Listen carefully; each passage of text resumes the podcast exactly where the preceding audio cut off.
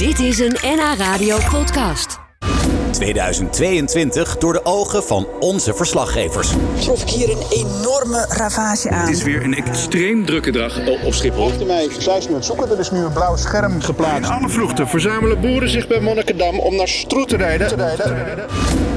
2022 was een spannend jaar voor onze verslaggevers in de regio. Grote, kleine, ontroerende, grappige en ernstige verhalen passeerden de revue. In deze podcast hoor je welke verhalen dit jaar indruk maakten en hoe onze verslaggevers te werk gingen. Met nu Misha Korzek. Misha is regioverslaggever in de Zaanstreek en Waterland. En ik sprak met hem af in Middenbeemster, want 2022 stond in het teken van de boerenprotesten. En voor Misha begonnen die protesten bij boer Harry Heeman. De boer die we onder andere kennen van zijn koe Seitje, die de afgelopen jaren feilloos de winnaars van belangrijke voetbalwedstrijden wist te voorspellen. Harry zelf heeft blijkbaar ook voorspellende gaven, want al ver voor de eerste boerenacties voorzag hij dat er wat te gebeuren stond. Ik voorspel een hele hete zomer. Ik moet eens een keer overwijzen. Ik wil hier mijn bedrijf uitoefenen. Ik wil hier voort en ik wil hier een toekomst opbouwen voor een volgende generatie. Ja, dat zei Harry Heeman uit Middenbeemster. Een vooruitziende blik had hij eigenlijk. En ik ben ook nu daar in de buurt. Samen met verslaggever Misha Korzek, die eh, de afgelopen jaar veel verslag heeft gedaan van de boerenprotesten. Misha, wel opmerkelijk dat hij eigenlijk al voordat er nog maar één hooibaal in brand was gegaan, zei dat het een hete zomer zou worden. Hoe kwam hij tot dat inzicht? Nou, Ik weet het niet, maar eh, als je daar kijkt, dan zie je eh, Koe ook wel bekend als de WK-koe. En eh, die heeft ook voorspellende gaven. Dus misschien dat het een beetje op, eh, ja, op Harry eh, ja, overgekomen is. eh, dat hij dat eh, ook heeft. Want ja, eh, hete zomer, dat was het zeker. Ja, we staan hier nu eigenlijk midden in zo'n gebied waar heel veel boeren zitten, waar de vlaggen nog steeds eigenlijk op hun kop hangen. Hoe begon dat eigenlijk? Want volgens mij had jij toen piket, toen er voor het eerst wat speelde. Ja, het begon wel met, met, Harry, die al zei van... nou, het wordt echt een hete zomer. En eh, nou, nog geen week later, volgens mij, eh, werd ik gebeld... eh, door onze samensteller, door de eindredactie. En die zei, het, gaat mis in Alkmaar. Je moet nu naar Alkmaar toe. Hè? We hebben piket, dan heb je een dienst... dan moet je, kan, je, kan je gewoon opgeroepen worden. Ehm, dus ik, oké, wat is er aan de hand dan? Ja, er zijn boeren opgepakt die op de snelweg reden. En die bestormen nu... het politiegebouw eh, waar, waar, waar die boeren zitten. Dus oh, nou ja, dus ik daar naartoe rijden en kijken. En nou ja, inderdaad, bij dat politiebureau stonden eh, een stuk of acht of tien eh, trekkers. Het, wa- het, was, het was al avond, heel veel boeren. Van bestorming was niet echt sprake, maar ze hadden wel de hele weg zeg maar, bezet. En daar hing wel een beetje. Het was niet een jolige sfeer. Het was nog net een beetje gezellig. Maar je merkte wel van. er moet niet veel gebeuren of, of, of het slaat om of zo. Maar mensen wouden wel allemaal gewoon hun verhaal vertellen. Hè? Dat, dat ze boos waren. En eh, dat ze dus over de snelweg hadden gereden. En dat er twee boeren waren opgepakt. En dat die nog binnen zaten. Eh, Kees en Kas, als ik me niet vergis. En eh, nou ja, toen hebben we met z'n allen gewacht tot ze naar buiten kwamen. Of ze wel naar buiten kwamen. Nou, en uiteindelijk kwamen ze dan naar buiten onder luid gejuich. Nou, er staat een mannetje of eh 30, denk ik, eh, voor het politiebureau. Eh, een stuk of acht trekkers. Kees Wempen, ja, waarom hadden ze je eh, ja, opgepakt? Waarom? Omdat we op de, de A9 reden. Dat mocht niet. ja, nu wel hoor. Ja, lijkt nou wel die vent die me daar verhoord heeft. Wist je dat het niet mocht, vroeg. Kijk, eh, de politiek belazert ons. En het is nou echt over. De boeren zijn in oorlog met het kabinet. En het kabinet moet één ding vertrekken. Vertrek. Maar is het niet een beetje te ver gaan om dan hier met z'n allen voor het politiebureau te staan en dan te roepen dat ze eruit Wat doen we moeten? dan? Wat doen we dan? Eh, wat moeten we anders doen? We hebben al zoveel laten zien. Ja. Het is nou een keer over. Ja, er werd toen nog wel wat gelachen ook. De, de stemming was vooral een beetje uitgelaten eigenlijk. Maar dat was maar het begin, want het werd steeds heftiger en ook wel grimmiger eigenlijk. Her en der, er werden hooibalen in brand gestoken. Hoe heb jij dat ervaren als verslaggever? Jij bent daar heel vaak bij geweest. Ja, ik, ik woon in een gebied eh, hier, hier vlak bij de Beemster, Bro- Broek in Waterland. Daar heb je ook heel veel eh, boeren.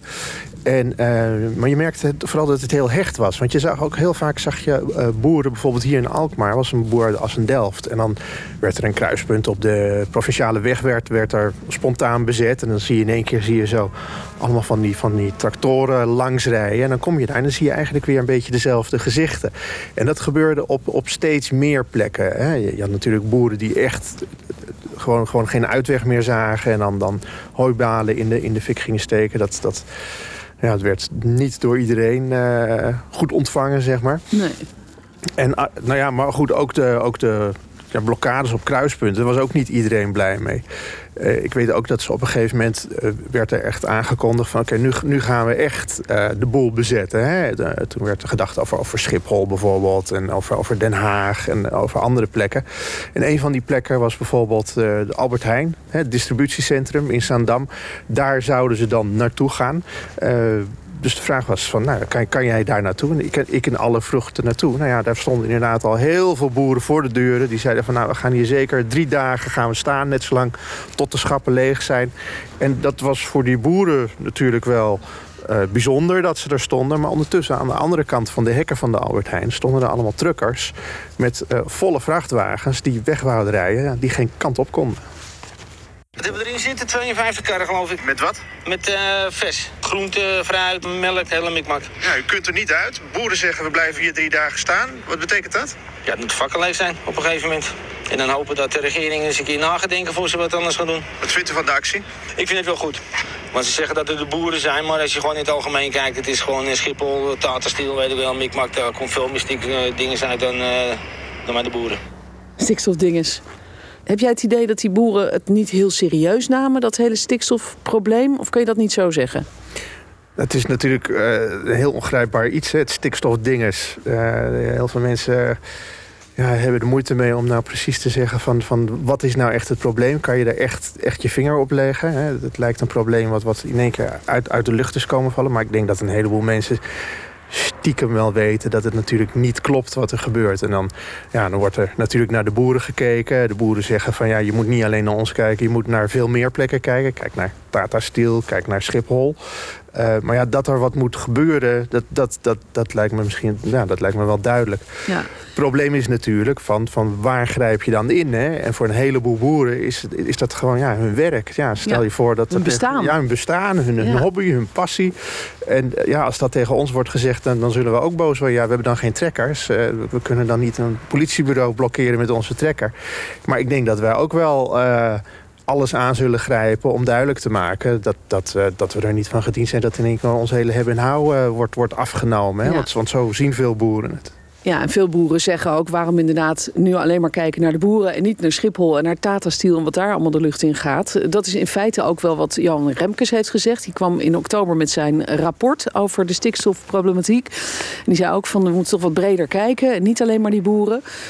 Heb jij het idee dat het sindsdien echt ja, er zijn niet veel acties meer geweest. Maar denk jij ook dat het echt rustiger is geworden? Weet ik niet. Het is moeilijk te zeggen. Kijk, we hebben natuurlijk, uh, moet niet vergeten, er waren al heel veel acties. Hè. Dan hebben we twee jaar iets gehad, hè, de pandemie.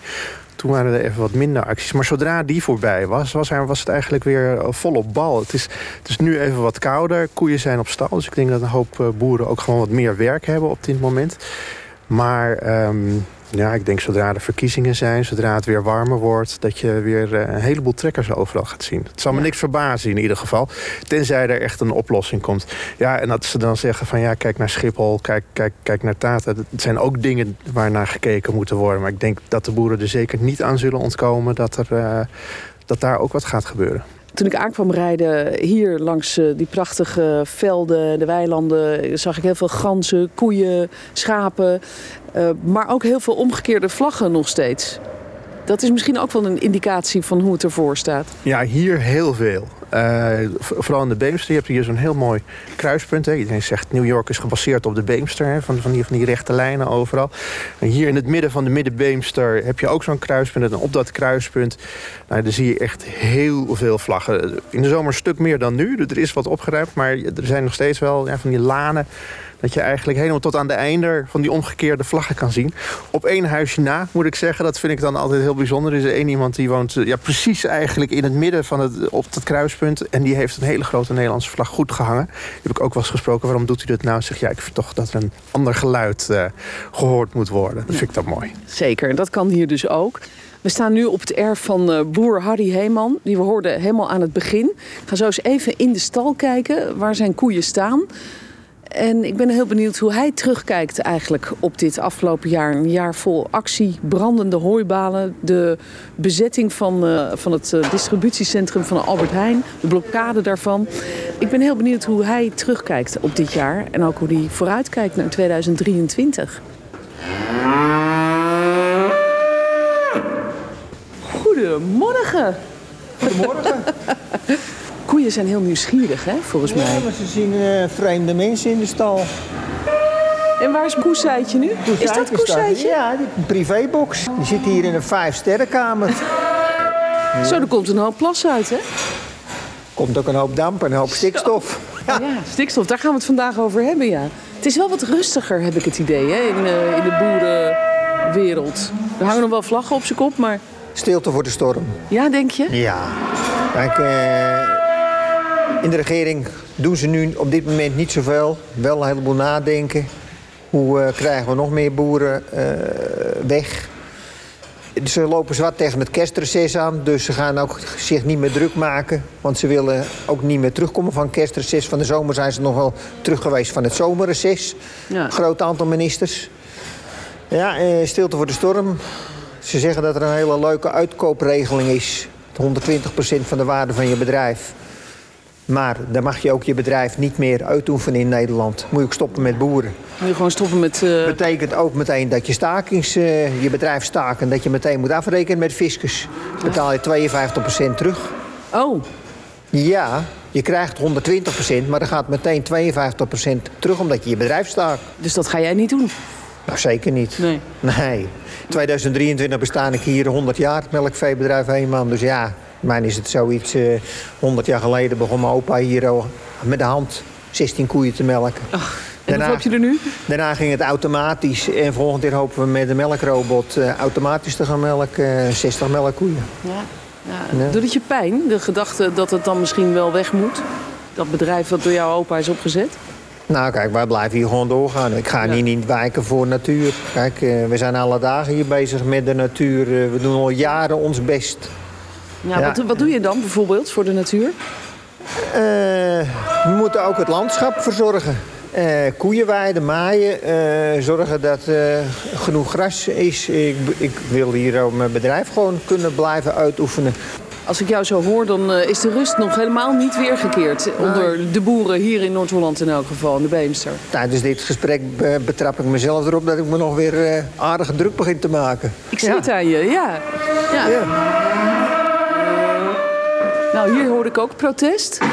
Ze staan nu allemaal naar ons te kijken, verwachtingsvol. Wat gaat de toekomst brengen? Denk je dat je over tien jaar dit bedrijf nog in deze omvang hebt, Harry? Ik denk het wel. Kijk, uh, we gaan straks automatisch melken hier met een melkrobot. We bestaan volgend jaar, 2023, 100 jaar. Doe het met heel veel liefde en ik krijg er heel veel liefde voor terug. Daarnaast heb ik koeseitje als, uh, als bonuskoe. nou, die, die, de WK-voorspeller. Nou, die is straks uh, uitgerekend met kerst. Ze is 15 jaar.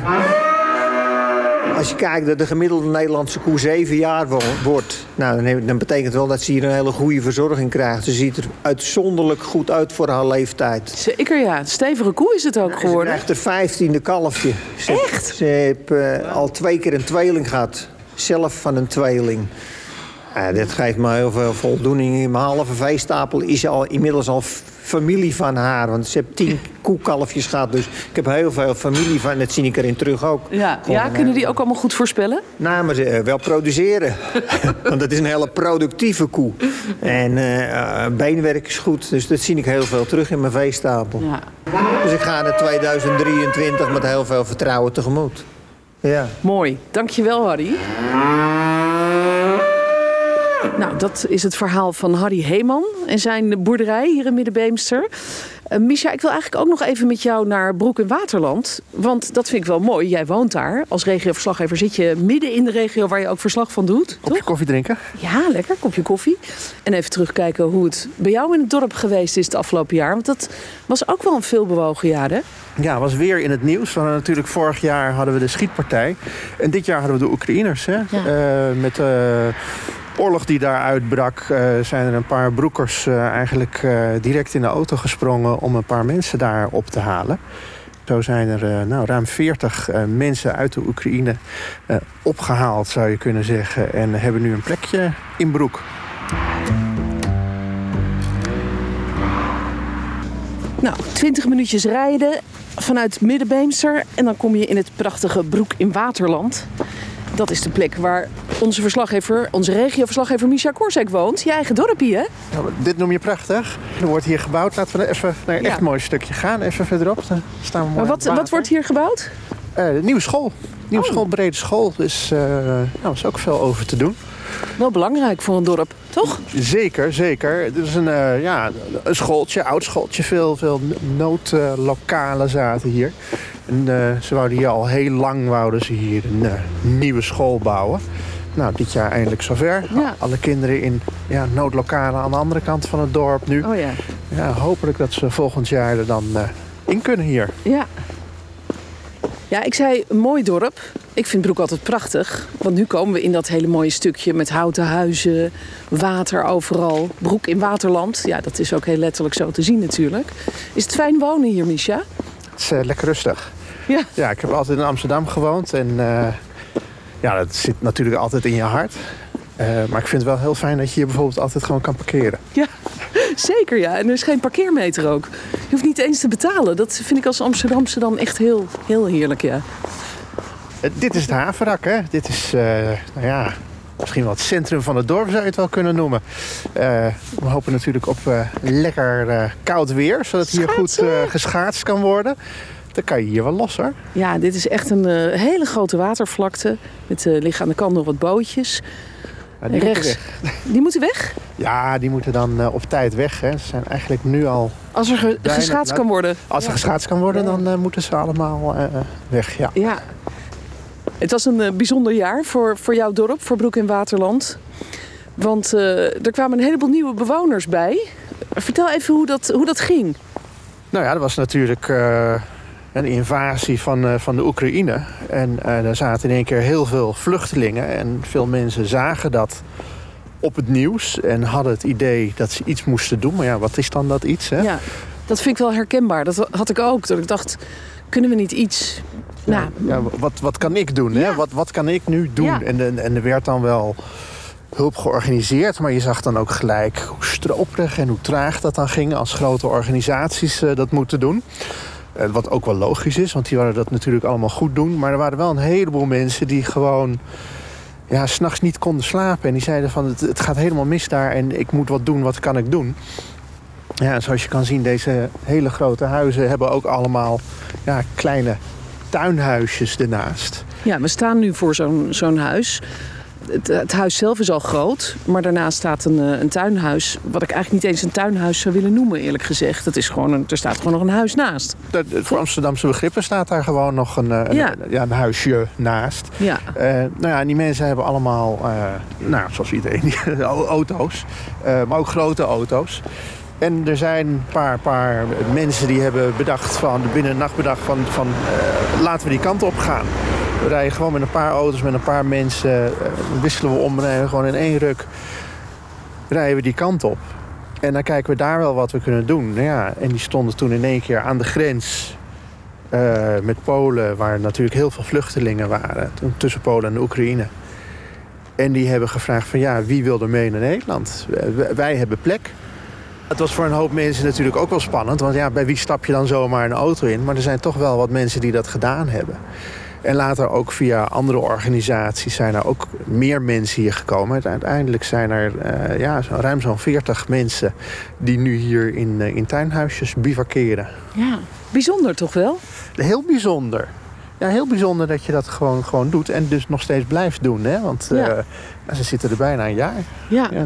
Die gaan ook hier op school, de kinderen van deze Oekraïners? Nee. Nee? Nee, nee, die worden eh, eh, speciaal opgevangen. Hè? Vooral kleine kinderen, die moeten dat allemaal leren. Dus, ze hebben hier wel nu een, een plek bij de, bij, de, bij de voetbal is een plek ingericht waar ze, waar ze kunnen spelen. Eh, de kinderen krijgen wel les, maar dat is in een school Purmerend... waar gewoon meerdere Oekraïnse kinderen zitten. Maar je ziet bijvoorbeeld wel dat de wat oudere kinderen, wat tieners... eh, wel al meedoen in Broek. Hè? Dus die werken bijvoorbeeld bij het pannenkoekenhuis... of eh, ja, die, die, die, die helpen bij de voetbal of Ja. spelen voetbal. Je, je merkt wel dat, dat ja, die mensen gewoon langzaam ook wel een plekje hier vinden. En gelukkig maar. Ja, tuurlijk Je ja. zou maar negen maanden alleen maar in een tuinhuisje zitten. Ja, het laat denk ik wel zien eh, een soort betrokkenheid van, van die bewoners. Misschien ook omdat ze in een dorp wonen. Dat je toch wat meer gewend bent om naar elkaar om te kijken en voor elkaar op te komen. Zou dat kunnen? De lijntjes zijn heel kort natuurlijk. Hè? Lijntjes zijn heel kort. Er wonen niet zo heel veel mensen in Broek. En eh, iedereen kent elkaar wel. En als je elkaar niet kent, dan ken je elkaar heel snel als je wat nodig hebt. Ja. Dus ja, je merkt wel van, van oh ja, er, zijn jassen nodig. Nou, er is iemand hier in Broek die, die recht dan eh, in de kerk even verderop eh, heel veel jassen. Dat er, dat er mensen kunnen, nou ja, wordt ook weer ondersteund eh, door, door broekers. Maar ook mensen uit de dorpen en, en steden hieromheen. Maar ook door de Oekraïners zelf natuurlijk. Die ook ja, niet van stil zitten houden. En gewoon Ja. graag iets willen doen. Nou ja, eh, buiten dat soort dingen. Nou ja, je ziet dat mensen een, nagelsalon hebben. Je, hebt koks die in één keer hier in de keuken staan eh, van, van een restaurant. Dus eh, Ja. ja. je merkt wel dat mensen gewoon wel langzamerhand een beetje hun plekje hier vinden. We lopen nu langs het Kerkplein, langs een heel mooi houten huisje. In een. Hoi. Ja, je kent elkaar natuurlijk allemaal hier, toch? Eh, ja, in ieder geval van zien. Maar dit is dan toevallig de meneer die eh, bij het voetbalveld eh, heeft gezorgd voor, ehm, voor, voor een plek voor, voor de Oekraïnse kinderen. Dat ze daar even kunnen spelen als de moeders bijvoorbeeld taalles hebben. Oh ja. Hij is alweer weg. Hij had haast volgens mij, hè? Ja, had koud, handen in de zakken, snel doorlopen. Ja. ja. Hoe is dat voor jou als verslaggever als jouw eigen dorp waar jij woont opeens in het nieuws komt? Want nu waren het de Oekraïense vluchtelingen. Vorig jaar was het die, die schietpartij, althans die overvallers die vanuit Amsterdam-Noord achtervolgd werden. En hier in de weilanden bij Broek werden achtervolgd nog door de politie. Daarbij werd geschoten. Er zaten geloof ik zelfs hier in het dorp kogelgaten in muren. Eh, dit jaar was de rechtszaak daarover. Dan is je eigen leefomgeving opeens het toneel van het nieuws. Ja, bizar hè. Ik zei toen net, ik kom uit Amsterdam en ik vind het lekker dat het hier dan rustig is. En dan heb je dat soort dingen in één keer. hè. Ja. Ja, dit is, dit is heel bizar dat dat, dat, dat zo, zo dichtbij gebeurt. En eh, zeker in zo'n klein dorp als dit. Eh, niet alleen de schietpartij, maar ook natuurlijk met de Oekraïners was ook eh, groot in het nieuws. Maar ik merk ook wel dat dat eh, ja, misschien iets van het dorp is dat ze heel vaak in het nieuws komen. Of misschien omdat ik hier woon. Dat zou natuurlijk ook kunnen. We staan op de drempel van een nieuw jaar, 2023. Wat wordt dat voor jaar voor jou, denk je? En wat hoop je eigenlijk voor volgend jaar? Ik koop een beetje goedkope energierekening, zoals eh, heel veel mensen, denk ik. Want eh, nou, dat zal 1 januari ingaan. Eh daar moeten we ook goed eh, met z'n allen naar blijven kijken, denk ik. Of Ja. dat goed gaat, of mensen nog eh de toeslag krijgen, bijvoorbeeld. Heel veel mensen hebben dat niet, niet aangevraagd. Ja, oorlog in Oekraïne. Ik ben Ja. heel benieuwd hoe dat gaat. Of dat gaat escaleren, of dat, dat, dat het minder wordt. Ik hoop het. Ja, en voor de rest zullen we ja, horen wat er met de boeren gaat gebeuren. Ja. De- wanneer worden ze uitgekocht? Wie allemaal? Eh, hoeveel in Noord-Holland? Hoeveel hier in de buurt, in Broek in Waterland? Ik weet het niet. Nee. Moeten we zeker in de gaten houden. En natuurlijk provinciale verkiezingen. Eh, iedereen eh, gaat natuurlijk stemmen, hopen we. Meestal wordt er heel slecht gestemd namelijk Ja. op de provinciale verkiezingen. Maar ik ben wel heel benieuwd wat er gaat gebeuren. Ehm, nou, dat zullen we allemaal ook verslaan bij Noord-Holland. Jij gaat het allemaal voor ons volgen. We gaan je nog heel vaak spreken komend jaar op zender, hoop ik ook. En eh dank je wel. Graag gedaan. Gelukkig nieuwjaar. Dit was een NH Radio podcast. Voor meer, ga naar nhradio.nl. Radio.